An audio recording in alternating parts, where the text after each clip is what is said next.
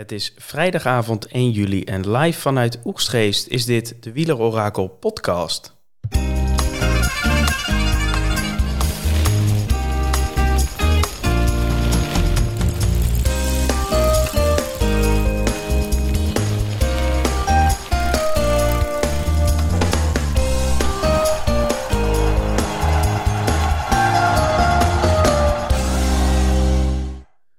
Zo, de kop is eraf. We zijn gestart. En met een verrassende etappenwinnaar, gele truidrager, groene truidrager, witte truidrager is iets, iets uh, voorspelbaarder. Maar Thomas, wat hebben we vandaag uh, gezien?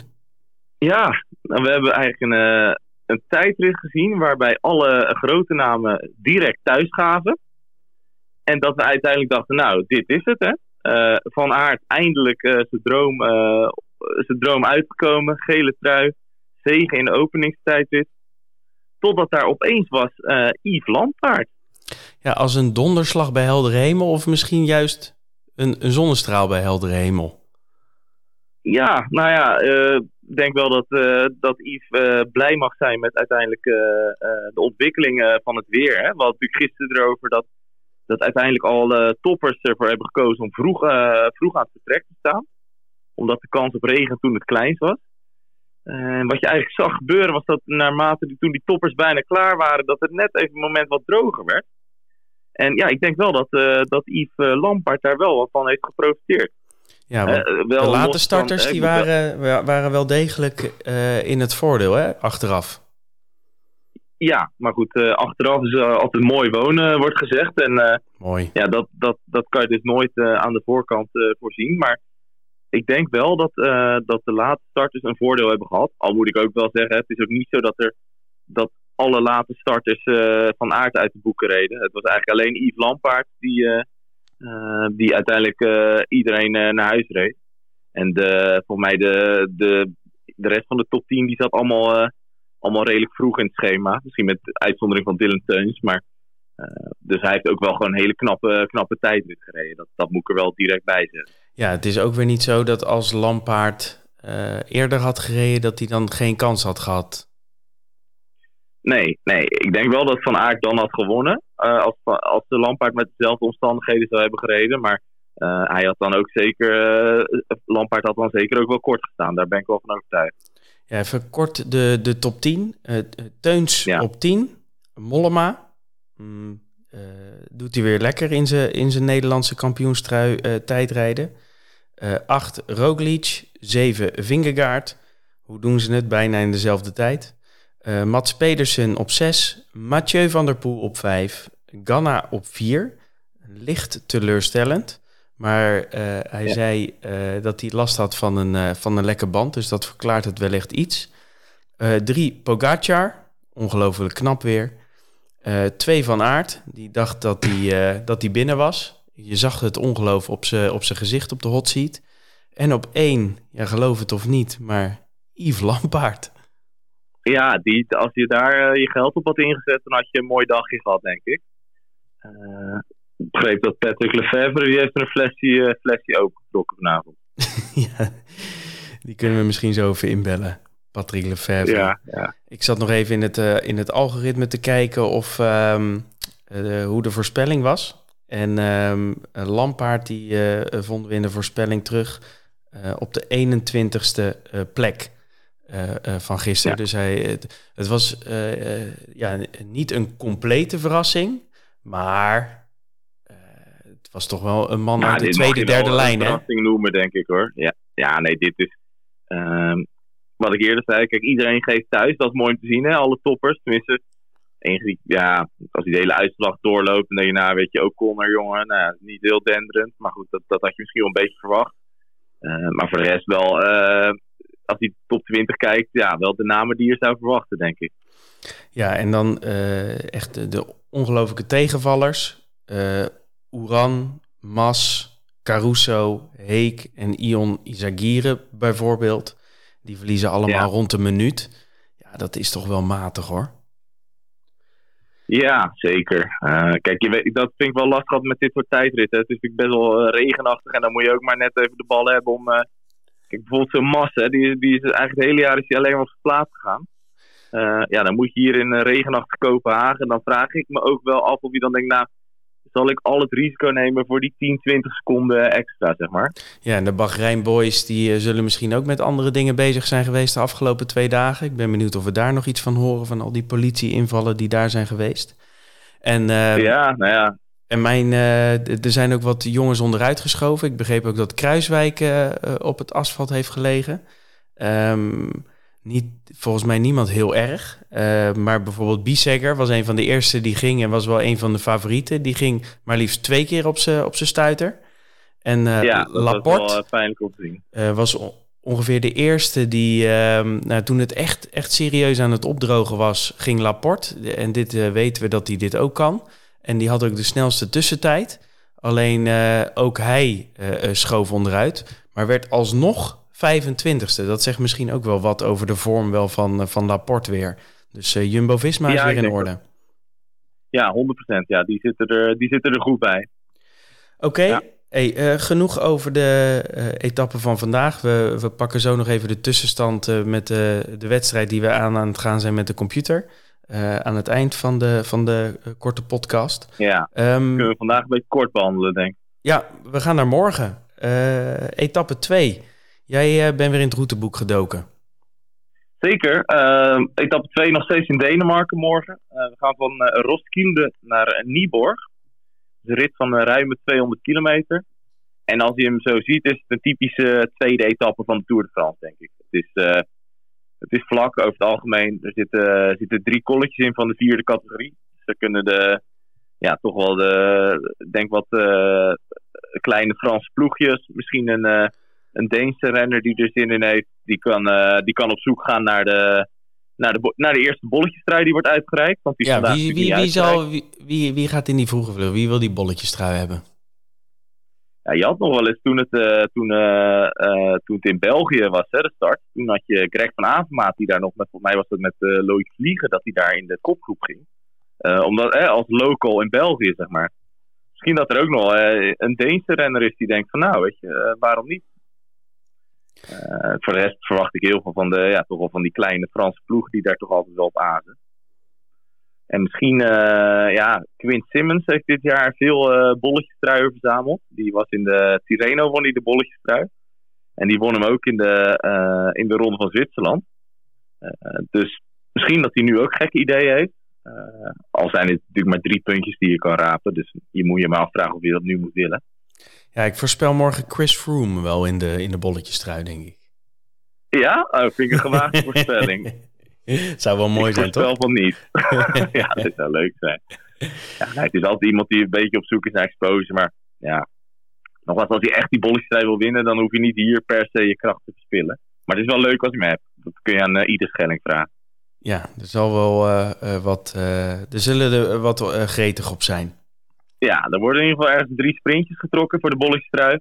Uh, dan hobbelt het wat door en dan krijgen we op uh, 125 kilometer uh, krijgen we de tussensprint. Nou, dan gaan we meteen zien wie zich in die strijd om de groene trui willen mengen.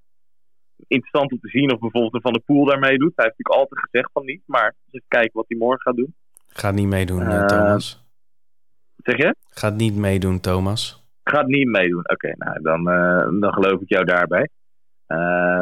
Dus uh, nou, het is op zich wel, wel even interessant, hè, want uh, er liggen toch wel wat, uh, wat punten te rapen. daar hebben we nog 75 kilometer te gaan. Het interessante is ook dat bij die tussensprint, dat draait eigenlijk linksaf.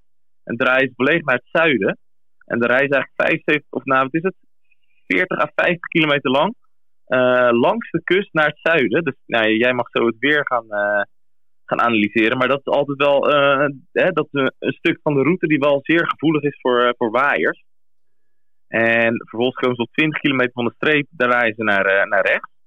Dan draaien ze naar het westen en dan gaan ze die, die lange brug op waar we het eerder over hebben gehad. Brug van 18 kilometer richting Nieborg. En als hij dat, ja, dat is natuurlijk sowieso helemaal open. Dus het is even de vraag wat daar precies gaat gebeuren. Het heet de Store Balsbrun in mijn beste Deens. Uh, ja, dus zoals gezegd, een lange brug. En aan het eind van die brug hebben ze nog drie kilometer te rijden. dat is op zich goed te doen. Er zit alleen nog een scherpe, is een redelijk scherpe bocht op een kleine 700 meter van de streep. ja, daar moet je als sprinter goed gepositioneerd zitten. En dan kan je in Nieborg gaan afsprinten. Ja. Dus kort samengevat, het is, een, het is een vlakke rit. Alleen het weer kan wel een invloed hebben op het verloop van deze rit. Want heb dat al eerder gezegd, een eerste etappe in de Tour is altijd chaos. Het is de tweede etappe, hè, Thomas? Ja, dat klopt. Maar de eerste, ja, dat, dat begrijp ik. Nee, maar, ik, ik waardeer je, je 18 kilometer lange bruggetje naar dit, uh, naar dit onderwerp. Uh, het weer. Nou, het belangrijkste is uh, dat het in principe droog blijft. Het is overwegend zonnig en een graadje of 22. Um, en de windrichting, dat is dus belangrijk. Nou, op de brug staat die min of meer vol tegen. Dat is op zichzelf niet heel gunstig voor waaiers. Alleen dat, hele, dat hele zuidelijke stuk waar jij het over had, daar staat die in principe schuin tegen en wel windkracht 4. En dat kan wel zorgen voor waaiers. Dus ja. dat, zeg maar, de, de combinatie van die windrichting uh, met de nervositeit en uh, mogelijk een valpartijtje hier of daar, ja, dan is de kans dus wel serieus groot dat het, dat het in brokken gaat. Ja, er gaat daar flink hard gereden worden, dat stuk. Want ja, idealiter heb je voor, voor waaiers heb je natuurlijk eh, schuin, schuin medewind. Dat is nog het allerbeste. maar met schuin tegen, als die echt, het ligt er een beetje aan hoe ver die echt uit die, uit die, uit het, uit die zee komt zetten, zeg maar. hoe meer die vanuit het, vanuit het westen komt, hoe, hoe groter de kans, zeg maar. Maar ik denk wel wat je zegt, hè? ook in combinatie met die nervositeit, daar gaat wat gebeuren. Gaan we een massasprint zien? Ja, wat noem jij een massasprint? Ja, de, de, een sprint met in principe een volledig peloton. Nee, dat gaat, ik, ik geloof niet dat hier een volledig peloton gaat sprinten. Ik denk ook niet dat het helemaal uit elkaar ligt dat je sprint met een groepje van tien hebt of zo. Ik, weet je, mannetje of 60, 70 of zo. Gok Ja, met wat, uh, met wat klassementsrenners die, uh, die er al doorheen uh, zakken. Um, ja. voorspelling van de computer. want we gaan alweer richting dat kwartier, dus we houden ons keurig netjes aan de tijd. computer verwacht ook een, een sprint met een uitgedunde groep. Um, we doen nog een update, want uh, uh, hij is nog niet helemaal uh, concreet in de zin van alle uitslagen zijn verwerkt van vandaag. maar we hebben op 10 hebben we Jasper Philipsen. Op 9 hebben we Max Walscheid. Op 8 Jasper Stuyven. Op 7 Matej Moric. Ligt verrassend wel, maar dan zie je dat, dat ze dus echt, of dat de computer denkt dat het een uitgedunde groep is. 6 Stefan Koen. 5 Laporte. 4 Christophe. 3 Pedersen, 2 Van der Poel en 1 Van Aert. Um, wat denk jij van deze uh, voorspelling, Thomas? Ja, ik denk dat de computer wel heel erg uitgaat van dat het echt helemaal uh, aan brokken gereden wordt overal. Daar heb ik nog wel een beetje mijn twijfels bij. Uh, de computer, weet je, als je, als je het hebt over Koen in de, Koen in de, in de top 10 en Stuiven natuurlijk ook. ja, ik weet niet of het zo erg uit elkaar gereden wordt. En met Van der Poel op 2 is natuurlijk de vraag. Want Van der Poel heeft volgens mij aangegeven dat hij in principe niet gaat sprinten als Philipsen erbij is, toch? Die gaat in principe niet sprinten. Dus als, als Philipsen uh, in zo'n uitgedunde groep zit, dan, dan wordt hij lead-out. Ja, precies. Dus daarom verbaast het me enigszins dat, dat de computer dat die Philips op, op 10 zet en Van der Poel op 2. Maar nou ja, het is een computer hè, en daar, ja, nou, daar ja, want als die we dan. Heeft, uh, die heeft gelijk vaak genoeg bewezen. Dus, uh. Misschien moeten we meteen maar uh, onze woorden inslikken. Want we komen op de, de puntentelling. we houden ja. dus een, een score bij hè, van Stads versus Guts. En een winnaar, we doen elke keer het podium voorspellen. En de winnaar goed is drie punten. Podium op de goede plek is twee punten. En het podium op de goede plek, of het podium überhaupt goed op een willekeurige plek, is één punt. En Thomas' computer staat bovenaan met drie punten, want die had Van Aert op twee vandaag. Uh, Ganna op één hadden we allemaal. En computer had Kung op drie. Ik had Van der Poel op twee en Biesegger op drie. En jij had Thomas op twee en Van Aert op drie. Dus jij krijgt één punt. Dus ik sta uh, troosteloos onderaan. Ja. Um, Maar nul punten. Parijs is nog ver, Tom. Parijs is nog ver en er kan nog zoveel gebeuren.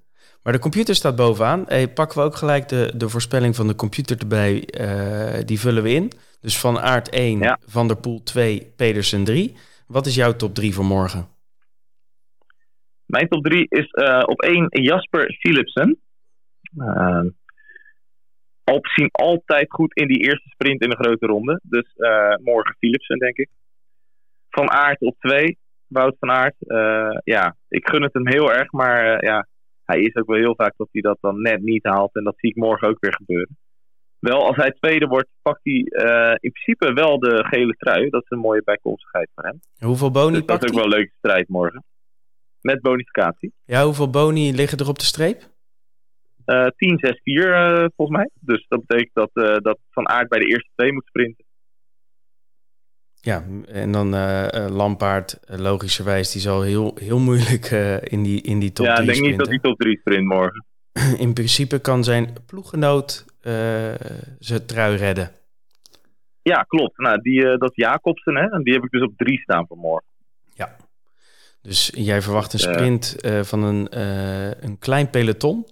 waarbij ja. Philipsen wint voor Van Aert en, en Jacobsen. Um, ik, uh, ik, heb, ik heb Jacobs op één. Ik denk, uh, Quickstep heeft echt een rammend slecht voorjaar gereden. Nou, die hebben zo'n enorme boost gekregen met de, deze uh, verrassende gele trui van, van Lampaard. En een ja. Morkov, die, die, of, ze trekken het morgen zelf in waaiers, samen met Jumbo-Visma. En Jacobsen, die, die sprint het, ja, die sprint naar de zegen ehm, voor van Aert. Die, uh, die, tweede wordt. Uh, wederom. Dus uh, die verzamelt weer lekker tweede plekken. En, en Mats Pedersen gaat naar drie. Dus die houdt wel zicht ook op, op die gele trui. Um, als Van Aert tweede wordt, dan pakt hij denk ik wel ook net geel, hè? Ja, ja dat zei ik net. Want ja, het, dat, oh, het is net, het is dus één, het is vijf seconden is het gat? Ja, het is vijf seconden verschil. En uh, ja, dus zes seconden is genoeg, dus dat kan. Uh, top 2 uh, sprint. Oké. Okay. Nou, we gaan het... kunnen, maar het wordt morgen... Ja, het wordt, het wordt leuk, denk ik, een etappe. Ik denk, als, het echt, als het echt beuk gaat worden, dan komen wel die sterke mannen bovendrijven. Dus een Christophe kan je dan ook, denk ik, wel van voren verwachten. ja, ik hoop dat Groenewegen ook, dat ze bij, bij Bike Exchange ook goed de kar op de rit hebben, zeg maar. Ehm, en dan kan het wel eens een hele interessante tweede etappe worden morgen. En hopelijk zo min mogelijk valpartijen. Ja, valpartijen. Kijk, waaiers en zo en dat, dat mensen daardoor tijd verliezen. Weet je, vind ik prachtig om te zien. Valpartijen liever niet. Maar er gaat wel gevallen worden, denk ik. Er gaat iets gebeuren. Zouden ze gehoord hebben dat je ingebeld hebt, Thomas? Uh, dat uh, de luisteraars bedoel je? Ja. Dat weet ik niet, dat uh, gaan we in de reacties horen. Ik uh, zit uh, namelijk in het Koerhuis in Scheveningen. maar ik wilde dit natuurlijk niet missen, Tom. Nee, dat snap ik. En je wilde natuurlijk wel een beetje vieren dat je een puntje meer hebt dan ik. Ja, maar ik balen. Nou, ik, ik stond op staat zich wel redelijk achter de voorspelling. Alleen Thomas, ja, die was viel me iets tegen. Hij reed een heel goed tweede deel, maar het eerste deel was uh, matig. Ja, hij zei, dat, hij zei dat hij de eerste bochten nam als zijn vrouw. Dus uh, Mooi om uh, mee af te dat, sluiten. Hoe moet dat, dat, ja, dat klinkt heel dubieus, denk ik, als je die zin nog eens uitziet. Maar dat, uh, uh, dat zullen we voor een andere keer laten, Tom. ja, gaan we doen. Um, morgen ja. weer verder. Ja, nee, goed. Hebben we het gered in de 20 minuten? 19 minuten. Oké, okay, top. Nou, dan spreken we elkaar morgen, denk ik. Kan weer een krul achter. Hey, morgen weer verder. Tot later. Okay.